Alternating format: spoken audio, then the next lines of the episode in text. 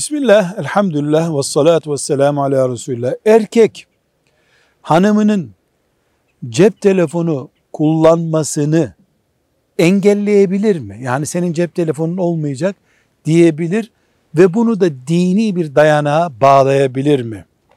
Diyoruz ki bir erkek hanımının haram olan işlerini engeller. Aile olmaya, hanım olmaya zarar veren işlerini engeller.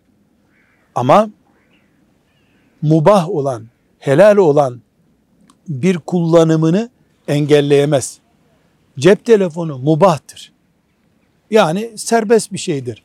Bunu kadın haram bir işte kullanmadığı sürece, cep telefonuyla meşgul olduğu için çocuğu aç bırakıp hastanelik edecek düzeyde yanlış bir kullanım yapmadığı sürece, bir erkek hanımının cep telefonu kullanmasını engelleyemez.